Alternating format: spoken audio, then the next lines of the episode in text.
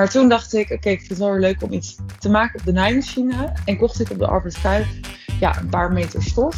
En uh, begon ik daar scrunchies van te maken in verschillende kleuren en uh, ja, opvallende mooie stoffen. Dus echt hele rijke scrunchies waren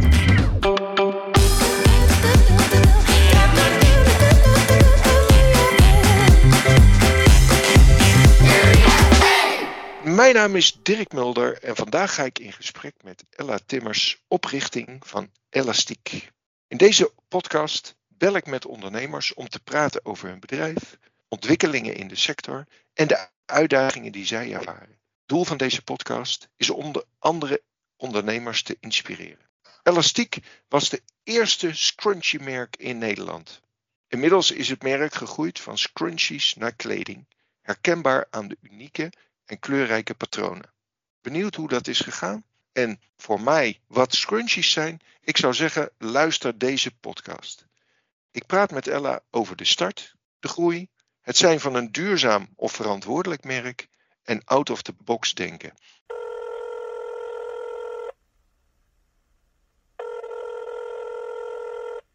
Goedemorgen Ella.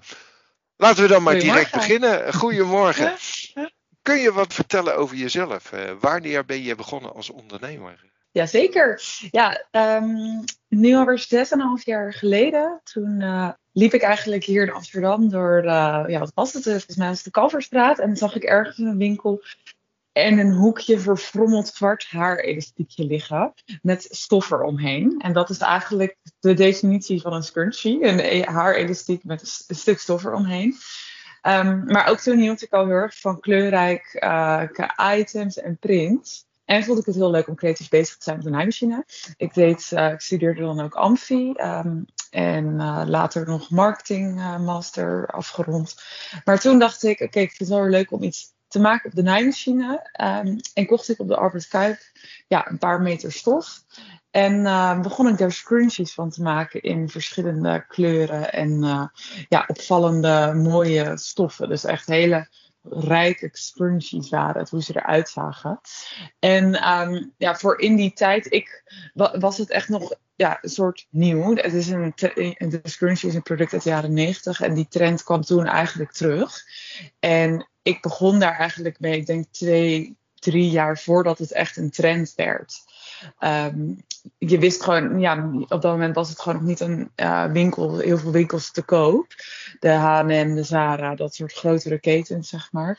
En toen begon ik eigenlijk met dat zelf ja, naaien. En toen vroegen vriendinnen ook van, wat, wat is dat wat je om je pols hebt? Want ze kenden het dan ook nog niet. En ik zei, ja, dan moet je je haar doen. En uh, nou, zo rolde het een beetje uit. Uh, en verkocht ik ze eerst aan nou ja, eigenlijk aan vriendinnen gaf ik ze gratis weg. En dan op een gegeven moment werden het er ja, zoveel dat ik dacht, nou, dan vraag ik er 4 euro voor aan vriendinnen van vriendinnen. Toen dacht ik, nou, daar voelde ik wel echt van, oké, er is wel echt, dit is wel echt een ding of zo. Dit vinden mensen echt leuk. Mensen worden er echt enthousiast van. En toen um, ja, ben ik er eigenlijk uh, een Instagram bij uh, aangemaakt. Uh, dat mensen daarop konden bestellen. Nou ja, toen kreeg ik wel heel snel onbekende orders. En een half jaar later had ik een maand vrij en dacht ik, ik maak er een webshop bij. Um, die ging toen live en ja, toen merkte ik wel dat mensen er ja, an, andere merken en um, ja, influencers het ook echt meer als een merk gingen zien, Elastiek. Wat natuurlijk ook een hele leuke meant-to-be naam was, die ik overigens niet zelf heb verzonnen. Maar uh, shout-out naar een vriendin van mij, die uh, er elke keer grapjes over maakt, omdat ik elke keer met elastieke, elastieke uh, in mijn haar aan kwam zetten. Mm -hmm. um, ja, en toen eigenlijk toen de webshop blijft, ging toen, ja, weet ik nog heel goed dat ik werd benaderd door een uh, influencer agency of ik uh, in de goodiebag uh, 60, 60 stuks wilde geven. En die kwamen dan ja, bij allemaal mode, influencers en BN'ers terecht. Die kwamen naar dat evenement toe. En eigenlijk vanaf dat moment, ja, verspreidde het zich echt helemaal als een soort olievlek. Omdat het, ja, zij er ook over gingen posten. En het was gewoon van waar kan je scrunchies kopen? En dan werd elastiek erin getagd. En dan kregen we er ja, weer bestellingen bij en volgers bij. En, uh, zo groeiden we eigenlijk steeds meer door. Dus als ik het goed begrijp, is zeg maar jouw groei gekomen door influencers en door social media. Ja, het is wel, nou ja, grotendeels denk ik wel, maar ook wel echt door het eigen netwerk, denk ik. Ik zat dan in, um, ja, het was in mijn studententijd en uh, dan um, had ik ook veel vriendinnen bij studentenvereniging. En dat verspreidde zich ook helemaal zo een beetje door heel Nederland op die manier. Omdat iedereen dan weer ook in andere steden vrienden heeft. Van, oude, van de middelbare school weer, die in andere steden zit. Dus ja, ook veel in Utrecht en in Groningen werd het dan. Uh, merkte ik dat het daardoor ook veel werd uh, verkocht. Maar um, ja, ik denk wel de echte groei, zeg maar, dat het uiteindelijk door de influencers is gekomen. En ook wel echt door Instagram. Uh, ja, doordat het toen een nieuw product was ook. Maar goed, dan heb je scrunchies, ben je daarin uh, eh, in aan het groeien. En dan maak je de stap naar kleding verder. Kan, kan je iets vertellen, wat is elastiek en waar staat, dat, uh, waar staat dat precies voor? En hoe ben je tot die groei gekomen? Ja, de eerste vier jaar heb ik dus eigenlijk altijd de scrunchies alleen verkocht. Um, en ik studeerde er ook altijd nog naast. Dus het was altijd een beetje nog een side hobby, maar wel een uh, grote side hobby, zeg maar. Um, en toen op een gegeven moment kwam corona. Uh, en ik verkocht ook aan veel winkels. Ik, ik, ik, had rond de 100 verkooppunten in Nederland en België. En um, door corona kwam er eigenlijk wel, um, en ook omdat de trend wat meer mainstream werd, um, ja, kwam er wel eigenlijk een. stopte de groei in de, in de verkoop van de scrunchies. En um, ook omdat mensen gewoon minder. Ja, de winkels waren dicht. Mensen kochten minder accessoires, want ze zaten gewoon binnen. En toen na, of ja, na corona, na anderhalf jaar van corona, dacht ik: oké, straks gaan we, gaan we weer naar buiten. Mogen we weer festivals komen eraan. Um, en ik wil verder met het ondernemen, maar in de scrunchies zie ik niet per se. De, ja, dat is, er moet iets aan toegevoegd worden aan elastiek. En ik had wel altijd als kind af aan echt de droom om later ook een eigen ja, merk te starten.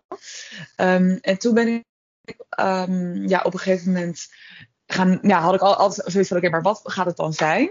En omdat de combinatie van, we gaan weer naar de festivals, we mogen weer, uh, ja, en, mijn passie eigenlijk voor kleur en voor print, kwam ik eigenlijk op het uh, idee um, van, ja, meer kleur in de wereld brengen door middel van kleding.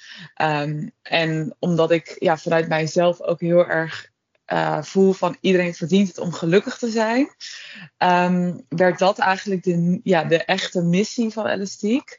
Um, waarin, ik eigenlijk, ja, waarin ik tot het idee kwam van uh, we gaan kleurrijke cohort pakjes um, lanceren. Dat ja, als eerste stap naar een kledinglijn.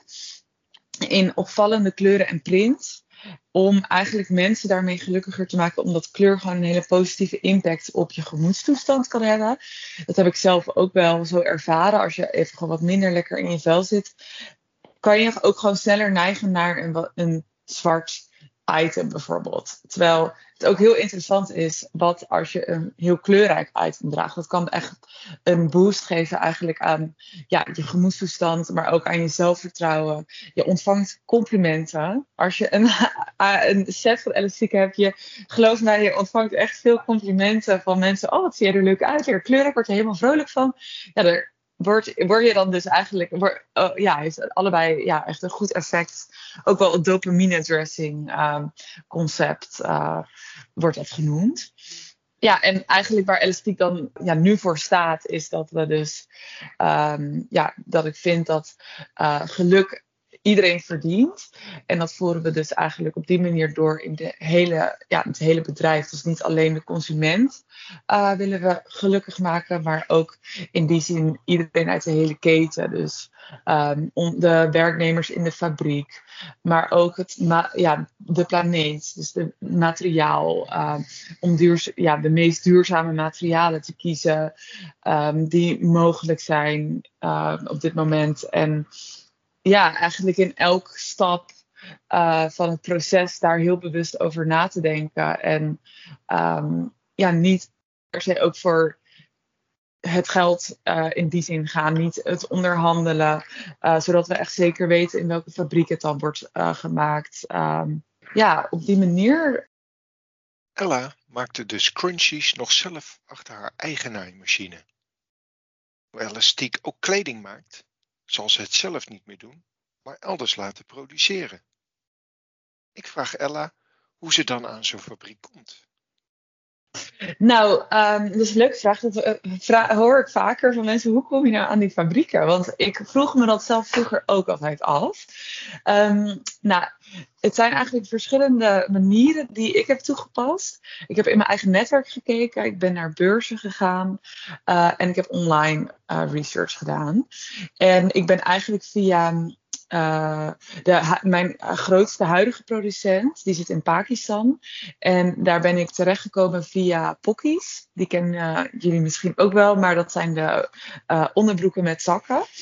En um, ik dronk wel eens een koffietje met hun. En om gewoon over het ondernemerleven te sparren en waar loop je tegenaan.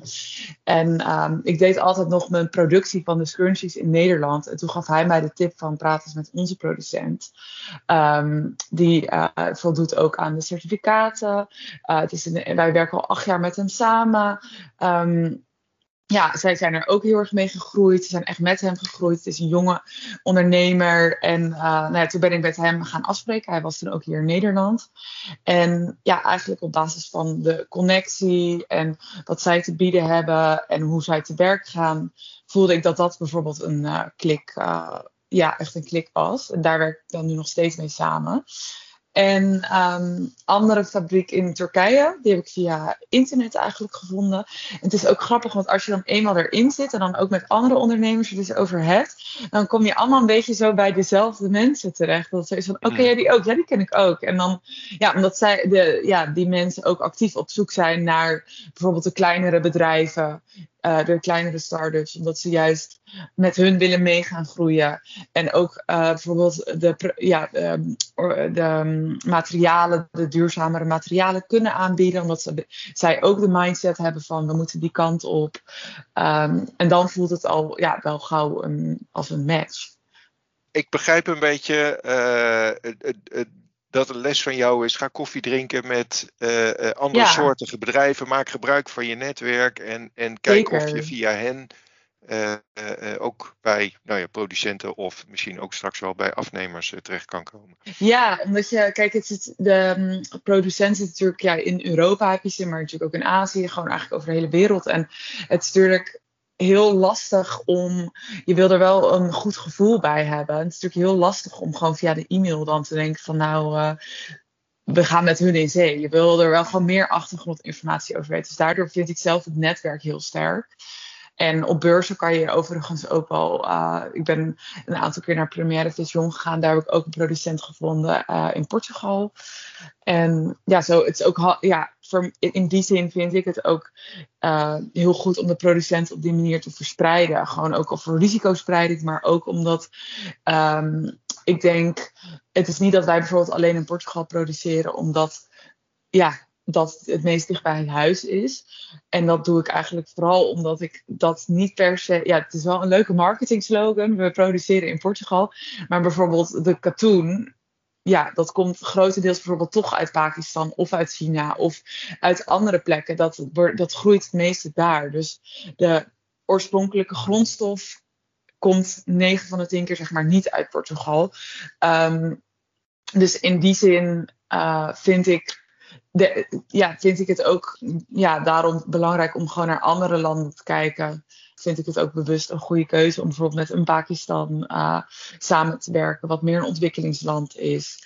Waarin echt ook goede ondernemers zitten. Waarin ook echt wel meer, ja, wat ook wel meer bekend staat om de corruptie. Dat moet je gewoon echt heel goed onderzoeken en uh, ja. daardoorheen ook kunnen kijken. En hoe verkoop je je producten? Uh, ik heb een online webshop, elastiek.com. Um, en we verkopen aan uh, retailers in Nederland. Um, op festivals we met pop-up stores. Um, we verkopen ook gepersonaliseerde producten. Dus we maken ontwerpen prints voor andere bedrijven. Ehm, voor bijvoorbeeld um, Brouwerij het Ei hebben we een toffe print ontworpen. Ehm, ja, en vooral marketing doen we veel via onze eigen social media kanalen. Ja. En hoe kom je dan bij andere retailers binnen? Nou, ik ben als eerste eigenlijk uh, gewoon met de collectie zelf naar winkels toegestapt. Met kledingrekje en uh, ja, gewoon gaan en je hoort het, ziet het wel, zeg maar.